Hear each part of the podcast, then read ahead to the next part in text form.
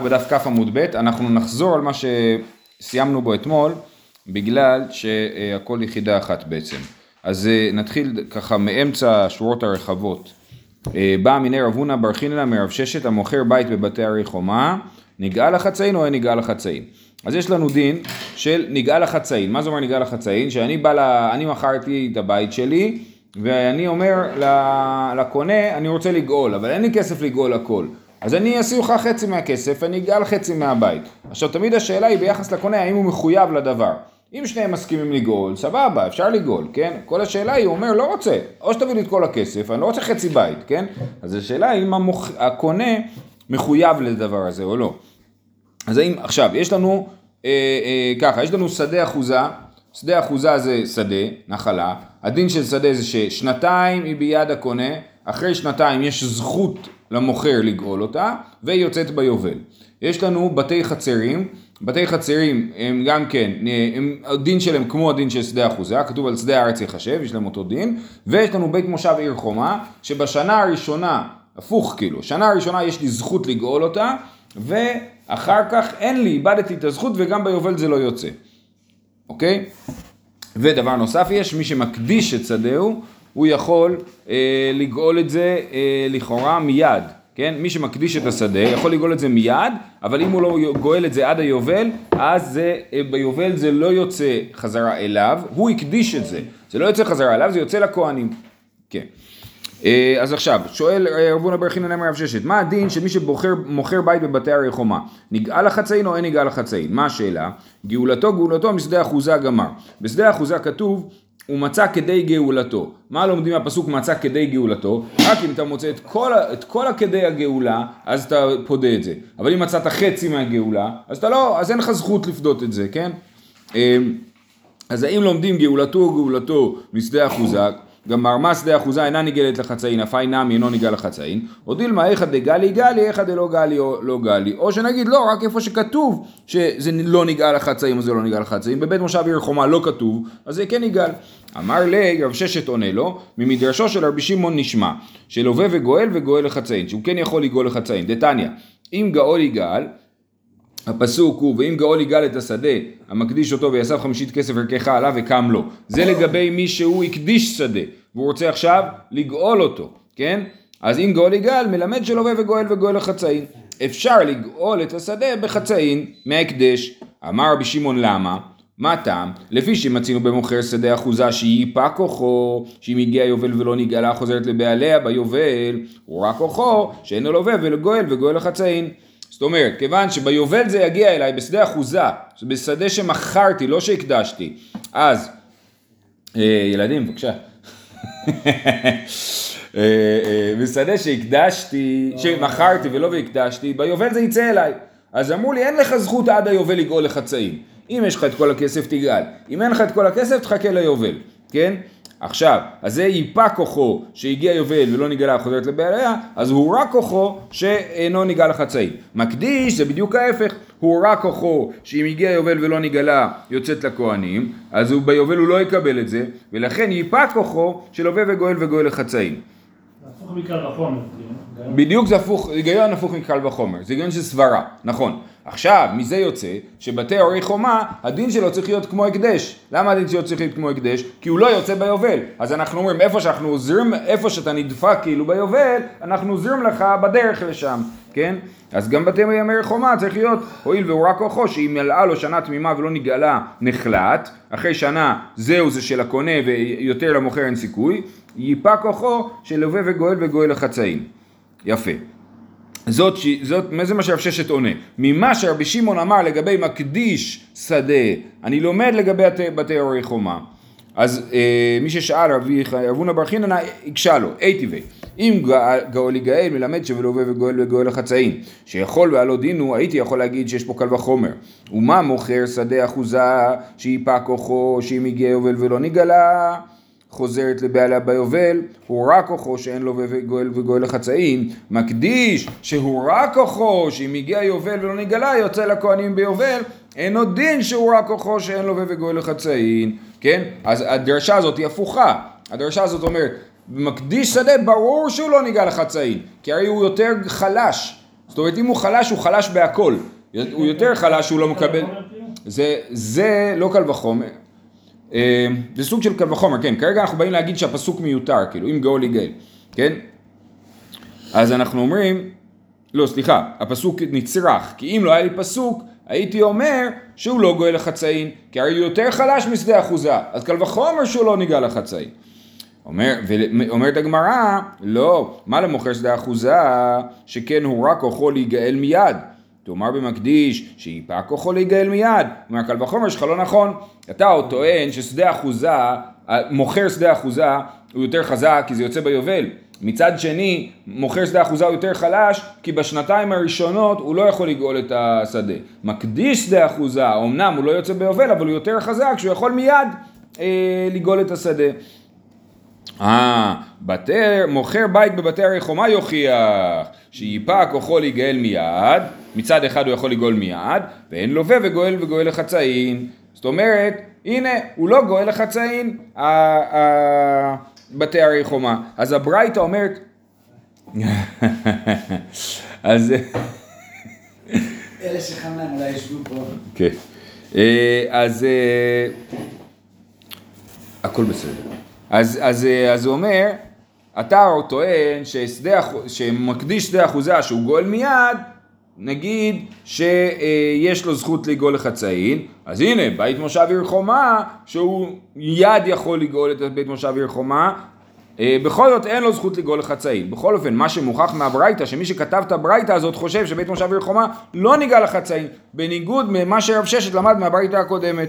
אומר לו קשיא, הרבנן הרבי שמעון, והסברנו גם בשבת שרבי שמעון הוא דורש טעמא דקרא, אז רבי שמעון הולך אחרי הטעם, למה אתה לא גואל לחצאין? בגלל שזה יוצא ביובל, אז אם זה לא יוצא ביובל, אתה יכול לגאול לחצאין, נכון? ורבנן מה הם הולכים? הם הולכים לפי ההיגיון של קל וחומר, של מה שקל יותר, קל יותר, מה שחמור יותר, חמור יותר, ולכן אומרים שבית מושב עיר חומה שהוא יותר חמור, שהוא לא יוצא ביובל, קל וחומר שהוא לא ניגע לחצאין. תני חדא לווה וגואל וגואל לחצאין, ותני אידך אין לווה וגואל וגואל לחצאין, לא קשיא הרבנן הרבי שמעון. אוקיי, עכשיו חוזרים למה, לברייתא שלמדנו עכשיו. הברייתא שלמדנו עכשיו, מה היא ניסתה לעשות? היא ניסתה להגיד שמקדיש לא יכול לגאול לחצאין, מקדיש מה? שנייה, היא אומרת שמי שמקדיש שדהו יכול לגאול לחצאין לומד מפסוק. והשאלה היא למה צריך פסוק, למה אני לא יכול ללמוד את זה בקל וחומר, כן? אז, אז, אז אמרנו, נלמד את זה בקל וחומר, שבית מושב עיר חומה הוא נגאל מיד, והוא לא נגאל לחצאין, אז היינו אומרים שגם מקדיש שדהו לא יגאל לחצאין, ולכן צריך פסוק. אמר לרב אחא בר דרבא לרבא שאיכא למי יפרח? מה למוכר בית בבתי הרי חומה שכן הוא רק יכול להגיע לעולם? איך אני יכול ללמוד בבתי הרי חומה למקדיש ש... אה, תאמר במקדיש שיפע כוחו להגיע לעולם. עד היובל, מי שמקדיש יש לו זכות הפדיון של השדה. עד היובל. לעומת זאת בתי הרי חומה, אחרי שנה, זהו, איבד את זכותו לגמרי בשדה, בבית. אמר לרב אחא סבא, אז, אז לכן, איך אתה יכול ללמוד בבתי הרי חומה? אמר לרב אחא סבא לרב אשי, משום דאיכא למימר נהר דדינא טיבי במעצד. הכוונה היא של הברייתא שאפשר ללמוד את זה משני הדברים ביחד, מהשילוב של בית מושב עיר חומה לא ניגע לחצאין וגם אה, מוכר שדה אחוזה לא ניגע לחצאין, נעשה את הצד השווה שבהם ונלמד שגם מי שמקדיש שדה הוא לא ניגע לחצאין ולכן יש פסוק שכן ניגע לחצאין. אמר לה, כן, משום דאיק אל מימר נהדר דינא תהייתי במעצד, מוכר שדה אחוזה יוכיח שיפע כוחו להגיע לעולם ואין אין לו וגואל גואל לחצאין. וגם אה, בניגוד לבית מושב עיר חומה. מה למוכר שדה אחוזה שכן הוא רק יכול לגאל מיד, שהוא לא נגאל מיד, יש לו שנתיים קודם. מוכר בית בבתי עיר חומה יוכיח שכן נגאל מיד, נכון? וחזר הדין לא ריזה כריזה. כן, כן, זה הסגנון הלימוד הזה, נכון? שהוא אומר, אה, אה, לכל אחד מהם יש צד שהוא לא דומה, אה, אז בואו נעשה הצד השווה שבהם, שנגאלין נכון, שניהם נגאלים, אה, בית מושב עיר חומה נגאל בשנה הראשונה, שדה אחוזה נגאל אחרי שנתיים, ובכל זאת בשניהם אין לווה וגואל וגואל לחצאין. אף אני אביא מקדיש שדה שנגאל ואין לווה וגואל גואל לחצאין. אמר למר סוטר בדרב ומרי לרבינה, איכא למפרח, גם על הצד השווה אפשר להקשות. מה לצד השווה שבהן, שכן הוא רק כוחם להיגאל בשנה שנייה, תאמר במקדיש שיפע כוחו להיגאל בשנה שנייה. הרי בשדה אחוזה הוא לא יכול להיגאל שנתיים, נכון? בית מושב עיר חומה יכול להיגאל רק בשנה השנייה, ולכן בשניהם בשנה השנייה הוא לא יכול להיגאל. ומי שמקדיש את השדה שלו, מי שמקדיש את השדה שלו, הוא יכול תמיד לגאול את זה עד היובל, כן? אז לכן, בשניהם לא דומים למקדיש שדה. אוקיי? עוד פעם. איכא למיפרח, מה לצד השווה שבהן שכן הוא רק כוחם להיגאל בשנה השנייה? תאמר במקדיש שאיפה כוחו להיגאל בשנה השנייה? אמר לרבינה משום דאיכא למימר עבד עברי הנמכר לגוי יוכיח. אה, עבד עברי שנמכר לגוי, שאיפה כוחו להיגאל בשנה שנייה, ואין לו וגואל וגואל לחצאין. זהו, אז בעצם מהשלושה האלה ביחד, בית מושב עיר חומה, עבד עברי שנמכר לגוי ומוכר שדה אחוזה, שלושתם אין להם זכות להיגאל לחצאין, אז משלושתם הייתי לומד גם למקדיש שדהו שלא יהיה לו זכות להיגאל לחצאין, ולכן פרס, צריך פסוק עם גאול יגאל שאפילו לחצאין, גאול יגאל שאפילו לחצאין אפשר לגאול שדה שהקדשתי אותו. זה הדבר הדבר היחיד בעצם, זאת, המסקנה שאפשר לגאול שדה, להקדש. רק הקדש. כן, וגם, וגם ברור לנו ש, ששיטת חכמים היא שבית מושב עיר חומה אי אפשר לגאול חצאים בניגוד לשיטת רבי שמעון. אה, באה מיני, עוד שאלה, באה מיני אבונה בר חיננה מרב ששת, המוכר זה כאילו הם למדו ביחד את הפרשה הזאת, פרשת בהר, והוא שואל אותו מלא שאלות. באה מיני אבונה מרב חיננה מרב ששת, המוכר בית בבתי הרי חומה, נגאל לקרובים או אין נגאל לקרובים, כן? אז יש לנו אה, אה, חלק מהדברים שעליהם נאמר שהקרובי משפחה גואלים אותם. לדוגמה, שנייה, אנחנו נפתח פה. נכון. זה נאמר לגבי עבד עברי שנמכר לגוי, כן? וכי תשיג יד וגר ותושב עמך ומך אחיך עמו ונמכר לגר תושב עמך או לעקר משפחת גר. אחרי נמכר, גאולה תהיה לו אחד מאחיו יגלנו אח או דודו או בן דודו יגלנו או משאר בשרו ומשפחתו יגלנו. אז יש פה כאילו רשימת קרבות. אח, דוד, בן דוד, שאר בשר. כן? יפה. אה, עכשיו הוא שואל, וגם לגבי שדה אחוזה, אם אני לא טועה, כתוב, אה, כן, ואיש כאילו, הוא בא, וכי המוך אחיך מחר מאחוזתו, שזה שדה אחוזה, הוא בא גואלו הקרוב אליו וגאל את ממכר אחיו. כן, אז גם לגבי שדה אחוזה, כתוב בתורה שקרוב המשפחה גואל. מה זה אומר שקרוב המשפחה גואל? זה אומר שאם אני מוכר שדה, בא אח שלי לקונה, ואומר לי, אומר לו, אתה חייב למכור לי חזרה את השדה. כשיש לי זכות כאילו לגאול, זה מחייב את הקונה, שהוא חייב להביא חזרה את השדה. בסדר? אז עכשיו השאלה היא מה הדין בבתי מושב והרי חומה. כי בית מושב ועיר חומה אמרנו שהוא שונה משדה. הוא בשנה הראשונה נגאל ואחרי זה נחלט לקונה. אז האם יש זכות לקרובים או אין זכות לקרובים? כי לא כתוב בתורה שהקרובים גואלים אותו. אז למה השנה הראשונה? בתוך השנה הראשונה. אחרי השנה הראשונה ברור, אם לי אין כוח לגאול, ברור שגם לקרובים לא יהיה כוח לגאול. השאלה היא, האם בתוך השנה הראשונה הקרוב יכול לגאול או שזה חייב להיות רק אני. המוכר בית בבתי הרי חומה נגאל לקרובים או נגאל לקרובים. גאולתו גאולתו משדה אחוזה גמר, כן? המילה גאולתו מוזכרת בשתי הפרשיות, אז נלמד מה שדה אחוזה אינה נגאלת לחצאים ונגאלת לקרובים, אף היא נמי, אין נגאל לחצאים לשיטת רבנן, ונגאל לקרובים, או דילמה, כי כתיבה גאולה בחצאים ודכתיבה. בקרובים לא כתיב, אולי הדרשה, ההשוואה בין בית מושב עיר חומה לשדה אחוזה זה רק לעניין שזה לא ניגע לחצאים ולא לעניין שהקרובים יכולים לגאול את זה. אמר לי, אינו ניגל, ככה, הוא אומר לו חד וחלק בלי להוכיח את דבריו, שבית מושב עיר חומה אינו ניגע על ידי קרובים, אלא רק על ידי המוכר בעצמו. הייתי ובכל בכל גאולה תיתנו, כן, מה הפסוק? אה, ובכל ארץ אחוזתכם גאולה תיתנו לארץ. אז זה לא באמת, אין פסוק כזה, נכון? זה לא בכל גאולה תיתנו, בכל ארץ אחוזתכם גאולה תיתנו לארץ. אז זה כתוב בברייתא. מה, מה לומדים מזה? לרבות בתים ועבד עברי, שגם הם נגאלים. מה זאת אומרת? ברור שהם נגאלים, נכון? מאי? לאו, בתי הרי חומה, זה בא לחדש שבתי הרי חומה נגאלים על ידי קרובים? אומרת הגמרא לא, זה בא לרבות שבתי חצרים נגאלים על ידי קרובים. בתי חצרים בעד יכתיב בהו, על שדה הארץ יחשב. כתוב על שכל הבתי החצרים, בתי החצרים זה בית שהוא לא בתוך מושב, עיר, בתוך עיר חומה, כן? אז הוא בית שהוא נחשב לבית פרוז כזה. אז הדין שלו זה כמו דין של שדה. כמו שאתה קונה היום חלקה במושב, נכון אה, מדמון? כמה אתה קונה חלקה במושב? 30 דונם פלוס אה, בית, נכון? אז זה הכל יש לו דין אחד. נחלה. נחלה בדיוק, אז, אז, אז השדה והבית יש להם אותו דין, זה מה שכתוב בתורה. אז למה אני צריך פסוק שילמד אותי שהבתי חצרים נגאלים על ידי קרובים? תשובה, ההוא לקובעו חובה. מה שכתוב בכל הארץ, אחוזתכם גאולה תיתנו לארץ, זה להגיד שיש חובה לגאול. ואליבא דרבי אליעזר, דתניא, על זה מחלוקת. וגאל את ממכר אחיו, רשות, אתה אומר רשות או אינו אלא חובה, תלמוד לומר ואיש כי לא יהיה לו גואל. וכי יש באדם בישראל שאין לו גואלים, אלא זה שיש לו ואינו רוצה לקח, שהרשות בידו, דבר רבי יהושע. אז רבי יהושע אומר, החובה. אין חובה, זאת אומרת, שוב, אם אני מכרתי את השדה שלי, אח שלי לא חייב לעזור לי לגאול אותה, כן?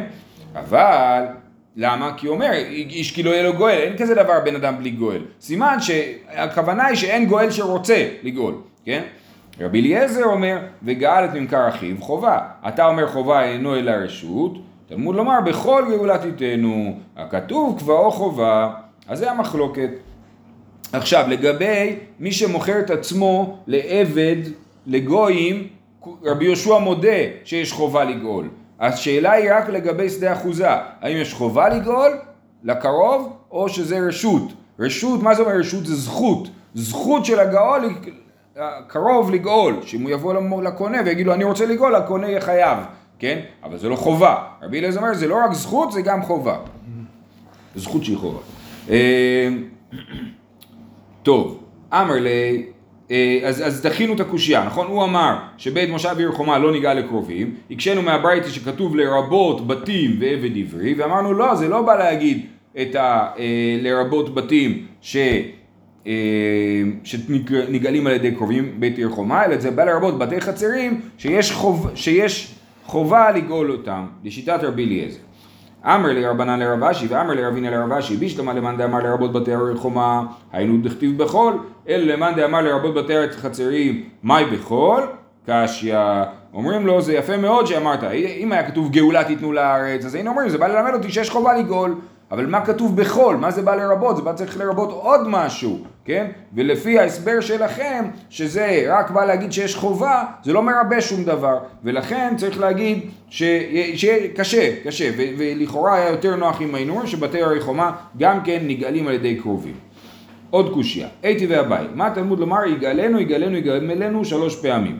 בפרשה של מי שמושך חר את עצמו לגוי, כתוב אחרי נמכר גאולה תהיה לו אחד מאחיו יגאלנו, או דודו או בן דודו יגאלנו, או משאר בשיער משפחתו יגאלנו, נכון? אז כתוב שלוש פעמים יגאלנו, מה זה בא להגיד? לרבות כל הגאולות שנגאלות כסדר הזה, זאת אומרת זה הולך לפי הסדר, כל עוד האח שלי לא עוזר לי, או לא ויתר על האפשרות לעזור לי, לדוד שלי אין זכות לעזור לי, כן? אז דבר ראשון האח, אחרי זה הדוד, אחרי זה הבן דוד, כן? אה, לרבות כל הגאולות שנגאלות כסדר הזה. מה זה כל הגאולות? מה אליו בתי הרי חומה ועבד עברי, שגם הם נגאלים כסדר הזה על ידי קרובים, בניגוד למה שאמרנו שבית עיר חומה לא נגאל על ידי קרובים? אומר לו לא, מדובר על בתי חצרים ושדה אחוזה. בתי חצרים ושדה אחוזה, בידי הכתיב על שדה הארץ ייחשב, הרי כבר אמרנו שבתי חצרים ושדה אחוזה יש להם אותו דין. לגבי שדה אחוזה מה כתוב? שהקרוב משפחה כן גואל אותו, כי כתוב שם, כי אה, וגאל את ממכר אחיו, כן? אז, אז למה אנחנו צריכים דרשה אחרת לרבות את זה? תשובה, כדי אמר רב נחמן בר יצחק, לקרוב קרוב קודם, הכי נמי לקרוב קרוב קודם. זאת אומרת, הדין של קרוב קרוב קודם נאמר בתורה לגבי מי שנמכר לגוי, לעבד לגוי, כן? אבל הוא לא נאמר לגבי שדה אחוזה, רק כתוב שהקרוב גואל, אבל לא כתוב הקרוב קרוב קודם. אז זה אבות. יגאלנו, יגאלנו, יגאלנו, בא לרבות שגם שדה אחוזה, יש את התהליך הזה של קרוב קרוב קודם, גם רואים את זה במגילת רות, נכון? שהוא אומר, יש מי שקרוב יותר ממני, הוא צריך לגאול, אם הוא מוותר אז זה עובר אליי. מה? פלוני. כן, כן. מה ההיגיון בזה? ההיגיון, כי כאילו אני אומר, מה זה משנה, העיקר שמישהו יגאל את זה, אז עכשיו אולי בגלל שחיכית לראשון, אתה. מפספס את השני, אז זה לא ירושה. סוג של ירושה. הזכות לגאול היא סוג של ירושה, לא, אבל הגאולה לכאורה, אני חושב שהיא חוזרת לבן אדם. זה בן אדם, זה לא... אז אמרתי, זו זכות שהיא חובה, אני בא לאח שלי ואומר לי, אומר לו תיגל, ממש כמו בועז, נכון? אני אומר לו תיגל, הוא אומר מצטער, אני מצב קשה, כן? אז זה, אה, אז, אה, אז אני אומר, טוב, אז אתה מוותר? בואו נעשה על זה, ושלף ישנה לו, נכון? כמו שהיה שם, ונעבור לבא בתור. כן. אה, אה, אז זה אמרנו, לא כן. עכשיו הגמרא שואלת, אז אמרנו כדאמר רב נחמן בר יצחק לקרוב קרוב קודם. אז הגמרא שואלת, מתי רב נחמן בר יצחק אמר דבר כזה, כן? איך היתמר דרב נחמן בר יצחק? אהה דאי באי אלו, עבד עברי, הנמכר לישראל, נגאל לקרובים או אין נגאל לקרובים? כאשר עבד עברי נמכר ליהודי, עבד עברי רגיל, אז ראינו שהוא יכול לגאול את עצמו. האם יש דין שקרובים פודים אותו או לא? אליבא דרבי לא תיבאי לך, דאמר מי שאינו נגאל באלה, נגאל בשש. זה לימוד שראינו בדף אה, ו' עמוד ב'. ט"ו עמוד ב', תודה. כן, שמונה שורות מלמטה, לא דווקא זה היה בתחילת העמוד. אה, ואם לא יגאל באלה, כן, לגבי מי שנמכר לגוי, כתוב ואם לא יגאל באלה, רבי אומר באלה הוא נגאל ואין נגאל בשש, כן, שמי שנמכר לגוי לא יוצא בשש שנים, נכון? וראינו שיש פה מחלוקת, רבי עקיבא ורבי יוסי הגלילי, כלא שש כאילו? כאלה שש, מה זה שש? אחרי שש שנים? שש שנים, כן. אז, אז, אז הוא אומר, מי שיש לו דין שגואלים קרובים, אותו, קרובים גואלים אותו, אין לו דין שהוא יוצא בשש שנים. סימן שעבד עברי אין, גואל, אין קרובים גואלים אותו, כי הוא יוצא בשש שנים, סימן שהקרובים לא גואלים אותו. אז לשיטת רבי בוודאי שהקרובים לא גואלים עבד עברי, שנמכר ליהודי, כן? אז אה, אליבא דרבי לא תיבאי לך. דאמר מי שאינו נגאל באלה נגאל בשש. עלמא לא מפרט, לא, לא, לא נפדה על ידי אה, קרובים. תיבא אלך אליבא דרבנן. עכשיו הקרוב יכול לעשות טכניקה אחרת, הוא יכול להביא כסף לעבד, והעבד יגאל את עצמו, כן? זה אפשר, אבל הרעיון הזה שיש זכות וחובה לקרוב לגאול, אין את זה בעבד עברי. תתבע לך אליבא דרבנן מאי, ילפינן שכיר שכיר ולא דר שיגאלנו, או דילמה יגאלנו לזה ולא לאחר. אופציה אחת זה להגיד, כתוב בעבד עברי שנמכר ליהודי שכיר, כתוב בעבד עברי שנמכר לגוי שכיר, אז נגיד שיש להם את אותו דין. אופציה אחרת זה כתוב יגאלנו לגבי מי שנמכר לגוי, כמו שראינו שכתוב שלוש פעמים יגאלנו, זה בא למעט דווקא אותו יגאלנו ולא עבד עברי שנמכר ליהודי. אז מה, מה אנחנו אומרים? תשמע, בכל, בכל הארץ גאולה תיתנו, נכון? לרבות בתים ועבד עברי, אותה ברייתא. מה אליו בתי הרי חומה ועבד עברי הנמכר לישראל? לא. עבד עברי הנמכר לגוי. עבד עברי הנמכר לגוי, בעד יכתיב בי, שצריך אה, לגאול אותו על ידי הקרובים, או דודו או בן דודו יגאלנו, ההוא לקובעו חובה, ואפילו לרבי יהושע, כן? אפילו רבי יהושע מודה שעבד אה, אה, עברי שנמכר לגוי יש חובה לגאול אותו אה, על ידי הקרובים. תשמע, מה תלמוד לומר? יגאלנו, יגאלנו, יגאלנו שלוש פעמים, לרבות כל הגאולות שנגאלות כסדר הזה. שנייה, מה הייתה השאלה שרצינו? אה, עבד עברי הנמכר לישראל, האם הוא נגר לקרובים או לא. אז אמרנו ש, אה, שהוא לא נמכר לקרובים, נכון? אה, סליחה, הבאנו ברייתא, בכל גאולה תיתנו לארץ, שגם עבד עברי נמכר על ידי קרובים, אז לכאורה הוכחה שנגע לגר קרובים, ודחינו את זה. אמרנו שמדובר על עבד עברי שנמכר לגוי. עוד תשמע, מה תלמוד לומר יגאלנו, יגאלנו, יגאלנו שלוש פעמים לרבות כל הגאולות שנגאלות כסדר הזה? מה זה כל הגאולות? אפילו עבד עברי שנמכר ליהודי. מה אליו בתי ירי חומה ועבד עברי הנמכר לישראל? לא. בתי חצרים ושדה אחוזה. שוב פעם שואלים, בתי חצרים בעד יכתיב בו שהם נגאלים על ידי קרובים. על שדה הארץ יתחשב, אמר רב נחמן בר יצחק לקרוב קרוב קודם, כן? אז שוב, אז אין לנו הוכחה האם עדב ודביר שנמכר ליהודי נמכר, נגאל על ידי קרובים או לא, כי התשמע הזה שלמדנו, יגאלנו, יגאלנו, יגאלנו, לא בא ללמד את זה, אלא את סדר הגאולה של הקרוב קרוב קודם. זהו, עוברים הלאה. כתוב במשנה שעבד עברי שנרצה באוזנו, נרצה, נקנה ברציעה. כן? דכתיב וירצה אדוניו את אוזנו במרצע, וקונה את עצמו ביובל ובמיתת האדון. שתי דרכים להשתחרר, או שמגיע היובל, גם עבד נרצע, הוא משתחרר ביובל, או כשהאדון מת.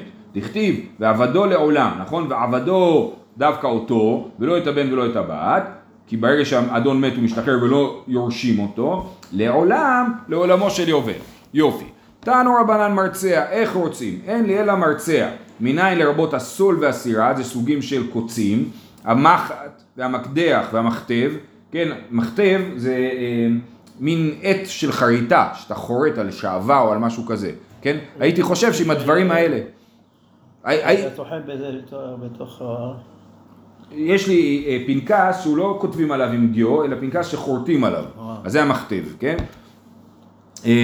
אז הדברים האלה, האם אפשר לרצוע אותם או לא, אה, לרצוע איתם את האוזן או לא, תלמוד לומר ולקחת, לרבות כל דבר שניקח ביד. דיבר רבי יוסי ברבי יהודה, אז רבי יוסי ברבי יהודה אומר, כל דבר שיכול לעשות חור, מצוין. רבי אומר, מה פתאום? מה המרצע המיוחד של מתכת? אף קוד של מתכת, זה חייב להיות ממתכת. קוץ לא יכול להיות, וגם לא חתיכת עץ. אה, דבר אחר, המרצע להביא המרצע הגדול. יש כאלה שדורשים שדווקא המרצע, לא סתם מרצע. אמר רבי אלעזר, יודן ברבי היה דורש. כשאין רוצין, אין רוצין אלא במילתא. איפה רוצין? בחלק הרך של האוזן. החלק הרך, מילתא, כן? שנוהגים היום וכולי. איפה שהיום נוהגים לעשות אה, עגילים, כן, הם רוצים. האח, האח עבד עברי, ואם תום, סליחה, וחכמים אומרים, אין עבד עברי כהן נרצע מפני שנעשה בעל מום. מה קורה אם יש עבד עברי שהוא כהן, כן, והוא רוצה להירצע, אז אומרים לו, אתה לא יכול. למה אתה לא יכול? כי אם נעשה לך חור באוזן. אתה תיחשב לבעל מום, ואנחנו לא מוכנים להטיל מום בכהנים, שהם לא יוכלו לעבוד בבית המקדש. ואם תאמר במילתא הם רוצים, איך בדברי כהן יעשה בעל מום? האין נרצע, אה, אה, אה, סליחה, כן? סימן שחכמים חולקים על רבי, על רבי אליעזר, כן? רבי אליעזר אומר שרוצים בסחוס, רבי אלעזר, כן? אומר שרוצים בסחוס, ואנחנו אומרים לא, רגע, אם רוצים בסחוס, במילתא, כן? בחלק הרך של האוזן. אם רוצים במילתא, אז הכהן לא יעשה בעל מום. למה שהוא יעשה בעל מום? הרי ברגע שתוציא את העגיל, ייסתם אחור, נכון? יש לכם בנות? ברגע שמוציאים את העגיל זה נסתם אחור, כן? אז זה לא מום. אז זה, נכון, אז זה לא מום, לכן מוכח שחכמים לא חושבים שרוצים במילתא, אלא בגובהה של אוזן, כן? נקרא את זה עוד פעם. אז זהו, אני, אני, אולי איפה שעושים אליקס, כאן, אליקס. כאן, כאן, כן, למעלה, או ש... אני לא יודע, זה נראה לי ההסבר הפשוט.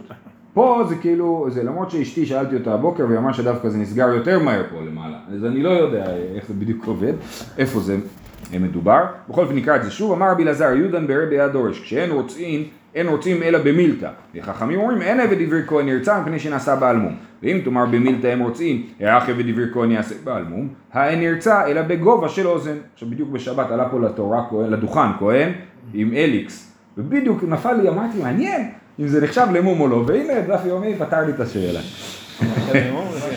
אז אה, לכאורה זה שאלה, לכאורה זה יוצא שכן. אבל בעמום רק לקורבנות, לא ל... בעל מום, הוא יכול, כן, הוא יכול לשאת כפיו, כן. אבל כאילו אסור לו לעשות את זה, הוא מטיל בעצמו מום, כן. יש לו גם אה, פאות היה לו. היה לו פאות בזקן גם, כן. ומייקה מפלג, אה, מה המחלוקת? המחלוקת של רבי ורבי יוסי ברבי יהודה. רבי יוסי ברבי יהודה אמר שאפשר לעשות רציעה בכל דבר, ורבי אמר דווקא במשהו ממתכת, נכון? אז במה הם נחלקו? דרבי דרש כלל ופרטי. ורבי יוסי ברבי יהודה דרש ריבוי ומיעוט. אז כלל הוא פרט ולקח את הכלל. מרצע פרט, באוזנו ובדלת חזר וכלל. כן, לקחת, תיקח כל דבר. מרצע דווקא מרצע. באוזן, כל דבר שעושה חור באוזן. אז יש פה כלל ופרט וכלל. מה הדין? אין, בכלל, אין בכלל אלא מה שבפרט. כן? ככה הוא קורא את התורה. אה, כלל ופרט וכלל יהיה תדן אלא כן הפרט. מה הפרט מפורש של מתכת? אף קול של מתכת. אז זה לאו דווקא מרצע, אבל העיקר שיהיה של מתכת. רבי יוסי דרש ריבוי ומיעוטי, ולקחת ריבה, מרצע מיעט, באוזנו ובדלת חזר וריבה. ריבה ומיעט וריבה, ריבה הכל. זאת אומרת, כל ההיגיון הוא אחר. כלל ופרט, אתה אומר, כשיש לי כלל ואחרי זה יש לי פרט, אז אני אומר, כל מה שיש בכלל זה רק הפרט, כן? ואז כשבאים להגיד לך עוד כלל, אומרים, טוב, באנו לרבות דברים שהם דומים לפרט. זה אה, כלל ופרט הוא כלל, אין בכלל אלא כעין הפרט, כן? לעומת זאת, בריבוי ומיעוט וריבוי, אתה אומר, ריבוי בא להגיד הכל, המיעוט בא להקטין אותו קצת, ואז הריבוי בא להחזיר חזרה, כן? אז זה בא למעט רק דבר מאוד מסוים. ולכן, לפי רבי יוסי ברבי יהודה אפשר לרצוע בהכל. ושואלת הגמרא, מהי רבי? רבי כל מילי. מהי מיעט? מיעט צם.